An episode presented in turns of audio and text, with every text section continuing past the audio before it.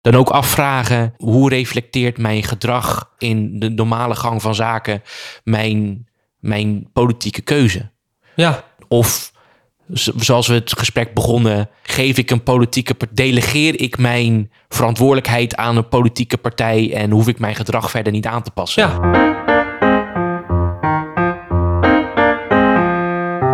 Een gesprek over maatschappelijke onderwerpen waar de mitsen, maren en nuances worden opgezocht. Mijn naam is Lars Bentin, ik ben bestuurskundige en schrijver. Ik ben Erik van der Plicht, docent maatschappijwetenschappen en socioloog. Welkom bij Gezwever, de podcast.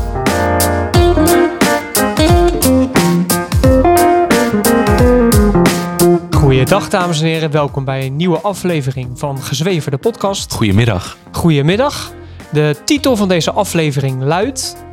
Je politieke voorkeur als onderdeel van je identiteit. Ja. De aanleiding voor dit onderwerp is dat ik mij ben gaan afvragen in hoeverre waarom mensen stemmen op een politieke partij. Is dat, zoals het wat mij betreft zou moeten zijn, vanwege hun standpunten? De standpunten van de politieke partij en van de persoon die stemt? Of is het veel meer een identiteitskwestie? Dat mensen stemmen op een partij omdat ze zich daar goed bij voelen en daarmee identificeren, zonder Ja. dat ze echt rekening houden met de standpunten. Ja.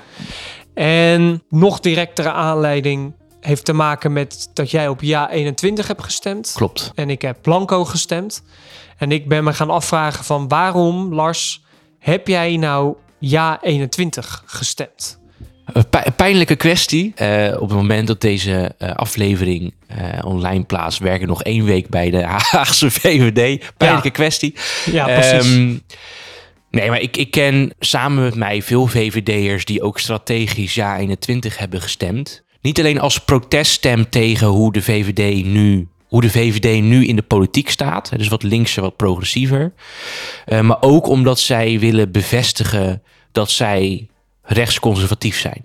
ja, En de VVD, zeker als je kijkt naar de tijd van Frits Bolkestein, was natuurlijk een, een, een wat rechtser conservatief eh, bolwerk. Eh, en dat is langzaamaan eh, veranderd de afgelopen decennia.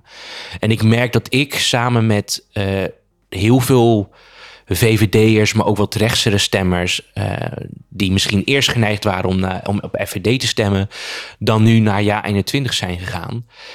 Eh, als bevestiging van hun eigen identiteit als rechtse stemmer, als rechtsconservatieve stemmer.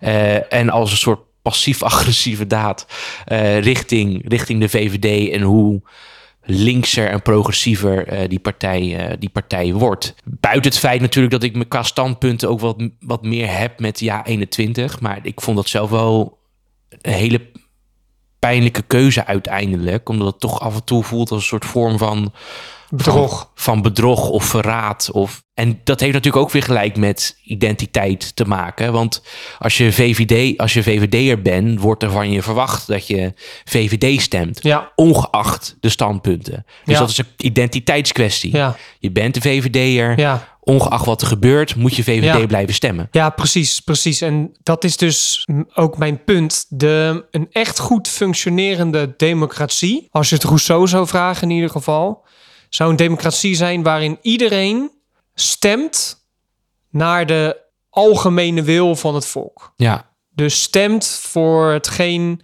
voor, voor, voor ideeën, voor beleid, wat, is goed, wat goed is voor de algemene wil van het volk. Ja. Dus niet alleen wat goed is voor jou, maar voor de samenleving. ja, En daarom was Rousseau, onder andere daarom was Rousseau ook tegen een representatieve democratie die we nu hebben, omdat dan burgers niet meer zelf meedoen aan het politieke proces, maar het politieke proces eigenlijk uitbesteden aan iemand anders. Ja. Hij noemde dat, dan ben je eigenlijk aan het stemmen met je portemonnee, als het ware. Je, je betaalt eigenlijk iemand anders om voor jou het politieke werk te doen. Maar met de komst van de representatieve democratie is het wel zo dat mensen, burgers, eigenlijk steeds minder goed weten wat er nou, waar ze nou, wat er nou eigenlijk allemaal gebeurt Ja. in, de in, in de politiek en in het democratisch systeem. ja, Omdat er zoveel beslissingen worden genomen, wetten worden gemaakt en vergaderingen worden gehouden, waar je als burger eigenlijk geen weet van hebt, omdat jij andere dingen aan doen bent, namelijk aan het werken. ja, Dus men weet, heeft ook op het gebied van standpunten en onderwerpen, zoals bijvoorbeeld stikstof, migratie, globalisering, informalisering, informatisering, excuus, noem het allemaal maar op, heeft men eigenlijk niet echt veel verstand meer. Uitzonderingen daar gelaten. Als ik over mezelf spreek, heb ik daar in ieder geval niet veel verstand meer van. Dus besteed ik dat werk, dat verstand hebben daarvan, aan iemand anders uit. Maar omdat ik er dus geen verstand meer van heb, moet ik enigszins vertrouwen dat wat een politicus zegt, of een denktank of wat dan ook, dat hij gelijk heeft en dat hij de waarheid spreekt. Dus stem, stem ik, zou ik stemmen of stemmen mensen op anderen die ze vertrouwen en waar ze zich dus mee identificeren. Identificeren, ja. Zonder dat men echt nog de moeite doet of weet welke standpunten die persoon nou echt voor staat. Ja, Een goed voorbeeld. Ik heb de laatste tijd wel eens gezegd van als Pieter Omzicht een partij begint, dan zou ik op hem stemmen. Waarom? Omdat ik mij identificeer met zijn politieke attitude, maar niet per se weet welke die standpunten ja, die ja, heeft. Klopt, ja. En dat, dat, vandaar dus inderdaad, en eh, ook wat jij dus net zegt, dat je eigenlijk meer bent gaan, gaan stemmen, onder andere bent gaan stemmen vanwege een abstract idee van je verzetten tegen de VVD en je willen identificeren als conservatief, dat dat belangrijker is om, om op ja 21 te stemmen dan daadwerkelijk de standpunten die ja, ja 21 heeft. Ja. Is dat correct of is dat... Nou, dat is niet helemaal eh, correct, eh, omdat het is complementair aan elkaar. Want al veel langer eh, is bijvoorbeeld een partij zoals Ja21 pas qua standpunten beter bij mij. Mhm. Het is, eh, Ja21 is eigenlijk de, de, de oude VVD van, eh, van, van vroeger, van eind jaren, eind jaren 90 onder leiding van Frits Bolkestein. Dus inderdaad, ik ben dus een, een, een hele lange tijd ben ik dus actief geweest bij de VVD als bevestiging van mijn identiteit. Eh, identiteit van ik ben een liberaal, dus Ja, ik, ja. ik blijf, eh, dus ik blijf VVD'er. Terwijl qua standpunten, en, ja, ik ben en het- en, en, en misschien speelt er ook in mee, ik ben loyaal, ja, ja, ik zeker. ben trouw. Ja, Ik ben iemand die, ondanks dat ik het niet met alles van de VVD eens ben, klopt. toch, toch ze kan steunen enzovoort. Dus Ja. dat is een, heeft heel erg met je zelfbeeld inderdaad te ja maken. klopt. Ja. Nou ja, ook het zelfbeeld van de, de- inderdaad wat je zegt, loyaliteit. Van welke persoon zijn die bij, bij, bij lid is van de VVD eh, en dan hen verraadt door op een andere partij te stemmen. Terwijl ik ook steeds meer erachter kom van ja, maar Lars, als jij het eens bent met de standpunten, je bent het oneens met de standpunten van, van eh, de VVD, maar je bent het eens met de standpunten van Ja 21 en je bent het oneens met de koers van de VVD, waarom zou je dan niet gewoon stemmen op, op Ja 21? Ja, zo, en, en precies. En ik weet niet of ik dat net duidelijk heb weten te maken, maar dat is wat mij betreft hoe een democratie zou moeten zijn. De partij met de standpunten en ook uiteindelijk natuurlijk het stemgedrag wat bij die standpunten hoort, Ja, daar zou je op moeten stemmen. klopt. Ja, En Ja. niet omdat een partij, omdat je de, de lijsttrekker zo'n leuke vent vindt. en, nee, precies. en wat je dus vaak ziet gebeuren, ik las laatst ehm, weer een column waar met, met als centrale boodschap. Nou, daar gaan we weer. De traditie met verkiezingen. Je vult een stemwijzer in. En vervolgens stem je niet op degene die op de bovenste plaats komt. Want daar identificeer je je niet mee. Ja, Weet je wel, dus dat je dat heel vaak bij mensen hoort van ja, bij mij kwam PVV bovenaan of bij mij kwam CDA bovenaan, maar ik ga toch geen CDA stemmen. nee.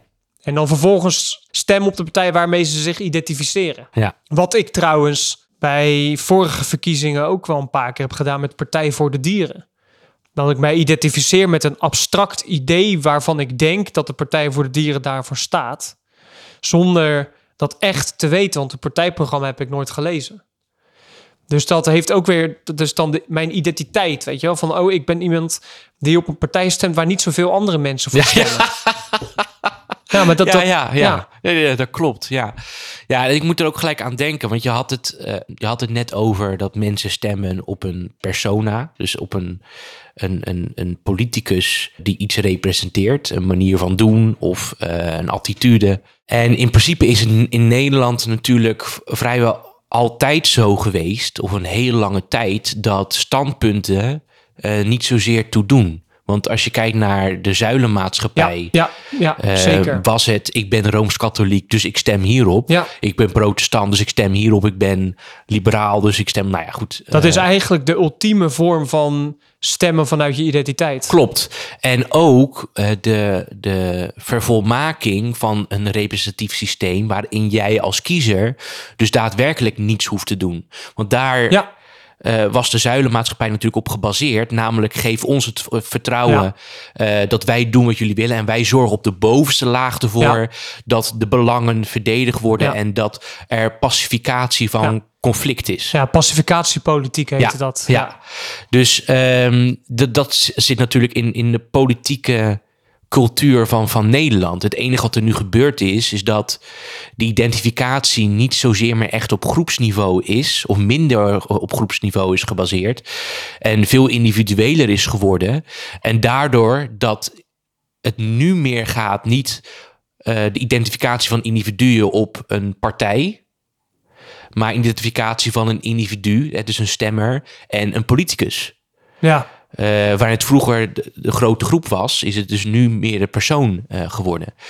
En dat doet mij denken aan een van mijn eh, familieleden.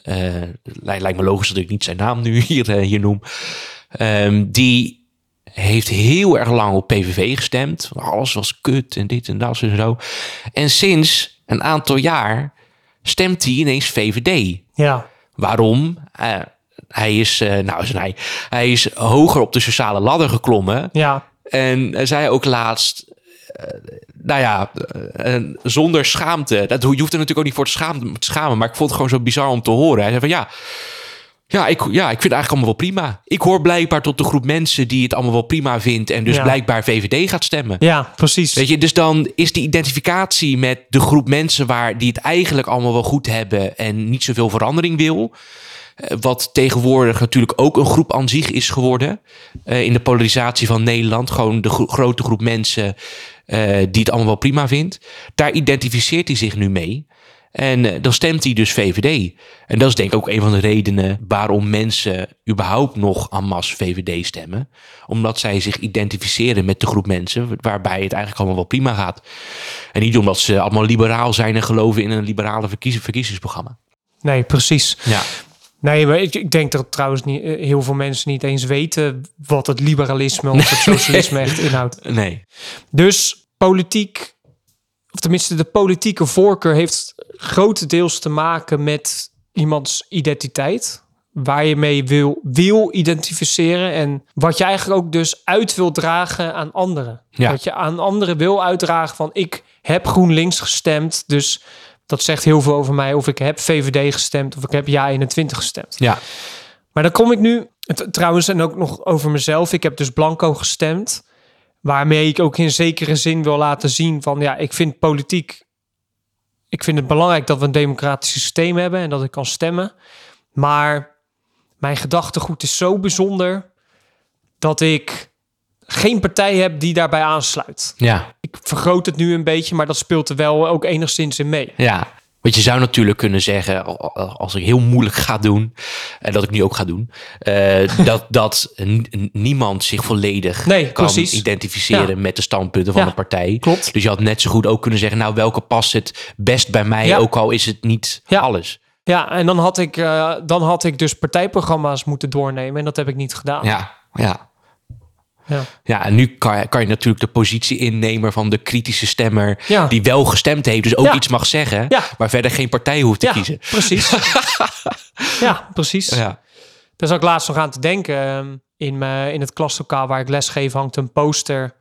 Als je niet hebt gestemd, mag je vier jaar niet klagen. Ja. Waar ik het helemaal mee eens ben, maar ik ben wel gaan stemmen. Ja, ja, ja, precies. Maar ik heb alsnog niet de moeite genomen om eh, in te lezen in partijprogramma's en dergelijke. Met daarbij ook is het ook wel degelijk van mij een... Hier, dit is ook weer zo'n identiteitskwestie. Hè? Het is een proteststem, omdat ik de huidige, het huidige kabinet en de bestuurders die daar zitten niet vertrouwen en niet serieus neem. Ja, Daar hebben we het ook wel vaker over gehad. Maar dan nu het volgende. Jij stemt Ik, ik, ga het, ik ga het weer eventjes eh, over jou hebben. Jij stemt ja 21. Ja. Hoeveel van die standpunten die zij hebben, voer je ook daadwerkelijk in je dagelijks leven uit? In hoeverre ben jij een echte rechtse, conservatief liberaal, liberaal conservatief? In je gedrag, in je verantwoordelijkheid nemen enzovoorts. Eh, vind ik moeilijk om, eh, om te zeggen, omdat ik, ik ga. ik heb de stemwijze ingevuld. Mhm. En daarbij kwam naar voren dat ik eigenlijk helemaal niet zo heel erg conservatief ben. Precies. En ehm, Wat, kwam er, wat kwam er uit? eh, even, ki- ja, ik, ik, weet, ik, ik weet niet goed een partij te benoemen, maar je hebt zeg maar die as, die, Ja, die, eh, eh, verticale kieskompas, ja, ja. kieskompas. En ik zat net, net iets rechts, rechts onder het middenpunt. Ja, nou, Dus zat- niet ik- veel rechts onder, Nee. waar ik eigenlijk... Dat is een, dat Waar je had hè? willen waar zitten. ik had willen zitten. Ja, en voor mij was het eh, midden links. Het was echt voor mij 10% beetje links. Maar wel tussen progressief en- op de lijn van progressief conservatief. Ja. En dan een heel klein beetje naar links. Ja, ja. Wat ik dan eigenlijk liever ook niet wil, want ik zou ook conservatief willen zijn. Ja, ja. En eh, waar- waarom zeg ik dit? Omdat eh, ik niet 1, 2, 3 concrete voorbeelden kan geven waarin ik dus leef naar de standpunten van ja 21. Maar waarmee ik dus wel wil zeggen, eh, als ik dus mijn gedachten eh, de vrije loop laat gaan en, en authentiek en eerlijk antwoord op politieke vraagstukken, ik dus blijkbaar een stuk minder rechtsconservatief ben dan eh, wa- wat ik het liefst zou willen zijn. Een heel simpel voorbeeld daarbij is dat ik veel groener en meer gericht ben op duurzaamheid dan de, de gemiddelde rechtsconservatieve persoon. Hoe bedoel je gericht op duurzaamheid? Ehm, als mij in die kieskompas vragen werden gesteld over natuur bijvoorbeeld, Ja, ja, en dat- duurzaamheid, was ik veel sneller geneigd om eh, dus groener en Ja. tussen aanhalingstekens eh, eh, eh, linkser te stemmen. Ja, en dit vind ik ook interessant, want ik zou tegelijkertijd niet over jou zeggen dat jij echt in je keuzes op dagelijks niveau bezig bent met duurzaamheid. Nee, klopt. Nee, maar dit is niet, dit is niet om jou Nee, af te nee, vallen, ja, hè, want dit is het argument wat ik wil opbouwen. En ik heb dat eerder wel eens grappend een consequentialistische democratie genoemd. Ik ben er laatst achter gekomen, heb ik even gedacht, eigenlijk is een consequentiedemocratie een veel betere term. Wat is een consequentiedemocratie? Dat is een democratie, dat is een concept dat ik zelf heb bedacht, dat mensen de standpunten en de ideologie moeten uitvoeren in hun dagelijks leven van de partij waar ze op hebben gestemd. Ja, Dus jij stemt GroenLinks. Oké, prima. Maar dan ga je wel meer belasting betalen op bijvoorbeeld vlees. En moet je wel altijd je afval scheiden. Moet je wel je auto wegdoen. Moet je wel waar mogelijk met de fiets of wandelend gaan. Stem jij PVV? Prima. Maar dan moet je wel zelf meehelpen met criminele Marokkanen het land uitzetten. moet je, ja? ja, ja. ja. Net zoals bij jaar 21, dan moet jij wel zelf vluchtelingen tegenhouden bij de grens en ze terugsturen naar het land waar ze vandaan komen. Ja, Of bijvoorbeeld die pushbacks doen met die boten. Pas dan, ik ben, ik ben daar nog steeds van overtuigd, pas dan zullen mensen echt stemmen wat ze vinden. ja. Want dan wordt je stem opeens iets wat je daar in je dagelijks leven moet uitvoeren. ja. Dus ben je het daarmee, wat, wat vind je daarvan, van dat idee? Nou, hij moest gelijk denken ook aan, eh, dat lijkt er een beetje op wat Daniel Arends zei, eh, die cabaretier. Die zei van, wat goed zou zijn, is als dat niemand een standpunt mag innemen die hen goed uitkomt. Ja, ja, dat je niemand een mening mag hebben die er goed uitkomt. Ja, ja, ja, ja. ja, Ehm, nee, ik, ben, ik, ben het, ik, ben het heel erg, eh, ik ben het heel erg met je eens. Wat ik daarbij wil zeggen is dat in het vraagstuk van eh, wat veroorzaakt wat, eh, je identiteit veroorzaakt je politieke keuze of je politieke keuze heeft invloed op je identiteit, zou dit voorbeeld wat je dus eh, benoemt, of in ieder geval het punt wat ik denk dat je probeert te maken, zou dus tegen de richting ingaan dat je identiteit je politieke voorkeur bepaalt. In zekere zin. Nee, juist niet. Dan, dan, wordt je, dan, dan wordt het hetgeen, tenminste hoe je jezelf ziet, maar ook hetgeen wat je daadwerkelijk op dagelijkse basis doet, Nee, ja. wordt de basis van je voorkeur. Ja, maar dat, daar zit dus een, een discrepantie in. Dus je identiteit eh, wordt dus. eh, of misschien is het dus wel. eh, ondersteunt wel wat je zegt. Want je identiteit ehm, bepaalt niet wat je gaat stemmen. Want je gedraag je er niet naar. Ja, ja, dan- zijn niet de keuze die je wil maken. Ja, nee, ja dan, dan ligt het er natuurlijk aan hoe je identiteit identificeert. En identiteit is het beeld wat je van jezelf ja, hebt ja, en wat je uitdraagt naar anderen. ja, Maar dat hoeft inderdaad niet aan te sluiten bij wat je ook daadwerkelijk doet. ja, nee, ja, precies. Dus, dus in deze, in de consequentiedemocratie, wordt je, wordt je, dag, wordt je gedrag, dat wordt je politieke stem. ja, Of nee, nee eigenlijk, ja, eigenlijk andersom. Ja, andersom, je politieke ja. stem wordt je, wordt je gedrag. ja, Maar mensen die gaan niet radicaal hun gedrag veranderen. Dus ze zullen dan stemmen op een partij die aansluit bij hun gedrag. ja. Ja, ik moet, ik moet hier. eh, eh, dit is denk ik wel een goed voorbeeld. eh, in ieder geval vanuit mijn, vanuit mijn leven. Ik zie mijzelf al best wel lang als een rechtsconservatief persoon. Mhm. En heb me ook een, een langere tijd geprobeerd te gedragen als een rechtsconservatief Ja, persoon. heb je daar een voorbeeld van? Nou, het leuk vinden van kunst. En dan klassieke kunst. Ja, Ehm, dat, je, dat je dan bijvoorbeeld naar, naar het eh, voorstellingen gaat ging. of zo. Ja, ja, ja, precies, ja. Terwijl je dat helemaal niet vond. Nee, nou, ik, ik, ik kwam dus... eh, Ik weet nog niet een jaar geleden of twee jaar geleden was, maar ik kwam gewoon tot de conclusie... Ik vind het helemaal niet leuk Nee. om naar het Rijksmuseum te Nee. gaan. Ik vind het niet, ik vind het niet leuk om, om te doen... om te doen alsof ik geïnteresseerd ben in, in, in kunst en sommige vormen van cultuur. Ja, precies. Eh, ik vind het heel erg leuk om naar een concert te gaan. Maar ik vind het niet heel leuk om dat een vast onderdeel te laten zijn van mijn dagelijkse praktijk, zeg maar. ja, Dus ik heb het ook laatst tegen vrienden gezegd. Ik heb gezegd van, nou, ik ben tot de ontdekking gekomen dat ik kunst helemaal niet leuk vind. En ik ga dat ook gewoon niet meer doen. Ehm, maar dan merk je dus, en zeker ook toen ik jong was, toen ik bij de JOVD kwam. Ja, ik was, ik was gothic eh, toen ik ook aan het beginperiode van de, van de JOVD had zwart haar en zo. En heel snel veranderde ik mijn gedrag. Ik had eh, nou, best wel dik eh, Rotterdams accent. Eh, ik ging veel en veel netter praten. Veel duidelijker articuleren. Eh, ging sigaren roken. Waarvan ik later denk van, ik vind sigaren eigenlijk helemaal niet lekker. Dus wat ben ik aan het doen? Eh, ging pakken dragen. eh, ging me heel elitair gedragen ook. Beetje neerkijken op, op, op linkse personen, linkse partijen. Terwijl ik veel, veel later ineens achterkwam van... Nee, ja, iedereen probeert zich te gedragen naar de politieke voorkeur. Of in ieder geval die ze zouden willen zijn. Dus als we gesprekken hadden met, met linkse, linkse mensen of, of socialisten...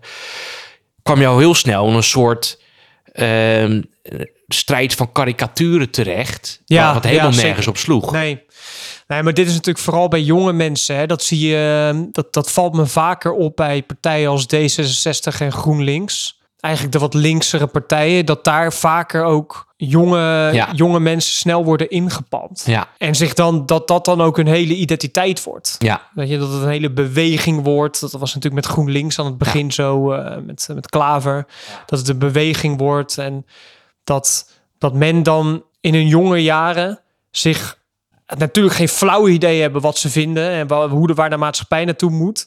Zich aansluiten bij zo'n partij en dan denken van, oh ja, nou, dan, dan is dat het dus maar. ja. En daar zitten dan ook al je vrienden. Dus voor je het weet gaan die mensen 10 stemmen die mensen 10, 20 jaar Ja. op, zo'n, op die partij. Puur en alleen omdat ze daarbij zitten. Ja, ja, en het feit natuurlijk dat over het algemeen linkse politiek en linkse partijen veel aantrekkelijker zijn om een identiteit op te bouwen. Ja. Omdat linkse partijen willen iets veranderen. Die willen vooruit. ja, ja, precies. Ehm, en, en daar identificeer je natuurlijk als jongere veel makkelijker mee. Ik weet niet hoe jij dat ervaart in jouw jeugd, maar ik heb een lange tijd gehad. Ik dacht van, wat er nu gebeurt, dat moet veranderen. Ik, ik, ik ben de persoon, ik kan de persoon zijn die de verandering kan bewerkstelligen.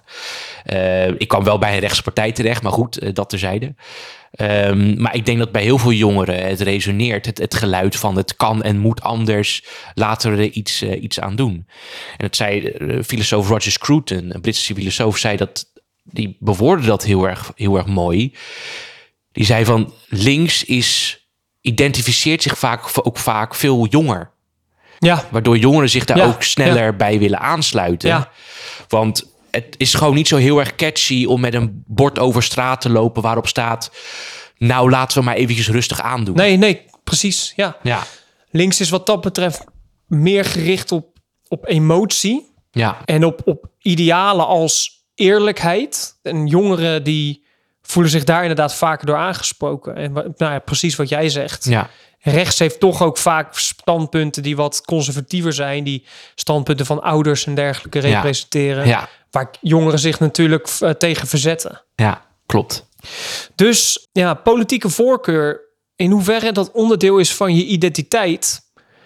Na ons gesprek, tenminste als we het op ons toepassen, als ik het op mezelf toepas, dan denk ik dat de politieke voorkeur die ik zou willen hebben, dus rechtsconservatief, dat dat, dat dat het deel is van mijn identiteit wat ik zou willen zijn. Maar dat zodra in een consequentiedemocratie puntje bij paaltje komt, ik dat eigenlijk helemaal niet ben. Nee, En dat ik dus misschien wel veel meer midden ben dan, eh, dan, men, of dan, dan ik zou willen. ja, ja. Ja, ik herken dat wel. Dat, ik, ik, dat voel ik ook. Ehm, zeker de afgelopen jaren, die, die verandering. Dat ik het ook allemaal wat... wat zeker met tijd bij, bij, bij Forum... eh, waar ik ook steeds standvastiger mijn, mijn standpunten, standpunten wilde innemen. Dat ik nu ook steeds meer zoiets heb van... ja, maar er zitten beide kanten aan het verhaal. Eh, het kan allemaal wat genuanceerder. Het hoeft allemaal niet zo heftig. Wat dan ook meer aansluit bij het midden dan bij het rechtsconservatisme, waar ik me heel graag mee, mee wil identificeren. Ja. ja, hetzelfde bij mij met abortusstandpunt. Kijk, niemand, niemand is, of tenminste, ik, ik ben geen voorstander van abortus. Maar niemand is voorstander van abortus. Onder het mom van, goh, laten we vandaag eens abortus plegen. Maar mijn standpunt is dan, gebaseerd op theoretische, overwe- filosofische overwegingen, eh, abortus zou verboden moeten worden. Ja, Maar ik vraag me wel af wat er gebeurt zodra ik zelf in zo'n situatie zit. ja, Wat ik dan zou doen. En daar gaat het denk ik uiteindelijk om. ja, Wat je als individu zelf doet. ja, klopt. Ja, En om af te sluiten wil ik je eigenlijk wel een vraag stellen. Wat wij net erkennen en concluderen dat onze politieke voorkeur die we zouden willen hebben anders is dan degene die we ook daadwerkelijk praktisch op dagelijks niveau hebben. Wat doet dat besef met jou? Wat vind je daarvan?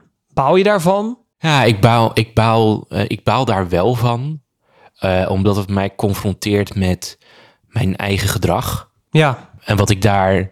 Ja, moet ik. Dan is de vraag van: moet ik mijn politieke voorkeur aanpassen of moet ik mijn gedrag aanpassen? nou ja, Eh, dat precies. En dat is een ja, hele ja. goede vraag. Dat, ja, eh, eh, Wat, wat, want inderdaad, wat betekent dit? Ja. Betekent dit dat je moet leven naar het, naar de, naar de ideologisch, het ideologisch ideaal wat je hebt? Dus rechtsconservatief. Dat dat het ideaal is wat je hebt en dat je daar dan naar gaat leven? Of betekent dat dat je dan niet meer rechtsconservatief moet stemmen, omdat je het zelf, omdat je zelf niet zo doet? Ja, en dan is het moeilijke. eh, de- dan komen er twee vragen in me op. Ja, als ik dan nu mijn politieke voorkeur ga, ga aanpassen, omdat het mij persoonlijk beter uitkomt eh, met mijn gedrag, eh, is dat dan authentiek? Of is het juist niet authentiek als ik mijn gedrag ga aanpassen aan mijn politieke voorkeur? Ehm, omdat de vraag is of ik daadwerkelijk zo ben of niet. Gewoon als, als voorbeeld te gebruiken, moet ik dan nu ineens naar het Ja. Rijksmuseum gaan, één, keer- eens Ja. in de week, eh, omdat ik dan rechtsconservatief zou zijn. Nou, dat is natuurlijk eh, platgeslagen, want dat slaat natuurlijk nergens op. Ehm, maar het is, het is wel een hele, een hele goede vraag, omdat mijn neiging wel is om te zeggen, eh, als het bijvoorbeeld gaat om het, het conser- rechtsconservatisme, hè, dus de verantwoordelijkheid nemen eh, voor je eigen acties, Ja, eh, niet de makkelijke weg kiezen, niet naar andere wijzen. niet maar terugvallen op een overheid. Precies. Verantwoordelijkheid nemen voor je buren, ja. voor je buurt. ja, ja, vooral, vooral dat, dat, ja, dat ik dan wel als gevoel heb, dat zou ik meer moeten doen. Ja. Eh, en dat is, dat is natuurlijk heel menselijk. Dus zal zo iedereen hebben dat, dat ze in hun gedrag iets moeten aanpassen of veel moeten aanpassen om, om aan hun politieke voorkeur te voldoen. Maar dat, dat, dat is wel het confronterende van dit gesprek. ja. Zeker. Wat voor gevoel heb jij daarbij? Ja, ik denk hetzelfde. Dat. Ma- Mag ik wel vragen, hoe zou je gedrag dan passen? Eh, ik probeer die link te leggen tussen het blanco stemmen en wat, wat voor gedrag hoort daar dan bij? Ja, misschien is dat ook wel... Ja, dat is wel een hele goeie. Misschien is dat juist ook wel een van de redenen dat ik blanco stem. Zodat Ja. ik dan vervolgens geen verantwoordelijkheid... eh, geen verantwoordelijkheid ten opzichte van de stem die ik heb uitgedragen. ja, ja, precies. Ja, ja. ja, in jouw consequentiemaatschappij eh Ja. eh, is de vraag van wat zou een blanco stemmer dan... Nou ja, eh, nou ja, nou ja, nou ja, een blanco stemmer, die moet dan dus volledig meegaan met al het beleid dat wordt gemaakt. Oh, dat, sorry, maar ik moet lachen omdat ik jou dat eh, totaal niet zie doen. Nee, namelijk. nee, precies. Misschien nee. moet je toch maar een keuze eh, gaan maken. Een keer. Ja, misschien wel, ja. Ja, dit, dit, ja, Kijken wat voor consequenties dat heeft. Dan kunnen mensen ook jou aanspreken op de Ja. keuze die je hebt gemaakt. ja. Nee, het is wel een hele, ik vind het wel een hele interessante afsluitende vraag. Ook omdat mijn, wat ik zou willen zijn, ook niet altijd aansluit bij hoe ik me gedraag. Nee. Ik vind bijvoorbeeld ehm, welzijn van dieren vind ik theoretisch heel erg belangrijk. Verantwoordelijkheid dragen voor je buurt en dergelijke. Maar ik kan niet zeggen dat ik dat in het dagelijks leven ook altijd ehm, uitvoer. Dus dat is inderdaad confronterend. Maar wel, wel, wel interessant om dit gesprek te hebben. Om erachter te komen dat, tenminste na te denken van waarom stem ik nou eigenlijk wat ik stem. Ja.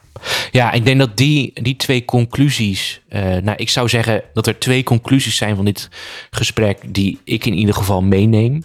Dat is inderdaad nadenken, veel beter nadenken over waarom eh, je op een partij stemt. En daarnaast de vraag stellen, als je dus een partij hebt gestemd. eh, met de volle overtuiging en, en het volle bewustzijn waarom je het hebt gestemd. Dan ook afvragen, hoe reflecteert mijn gedrag Ja, hoe ref- reflecteert mijn gedrag in de normale gang van zaken mijn, mijn politieke keuze? ja, En of, zoals we het gesprek begonnen, geef ik een politieke partij, delegeer ik mijn verantwoordelijkheid aan een politieke partij en hoef ik mijn gedrag verder niet aan te passen? ja, nou, ja. ja. Ik denk dat dat heel vaak gebeurt. ja klopt. Ja, Dankjewel weer voor het gesprek. ja En tot volgende week. Tot volgende week.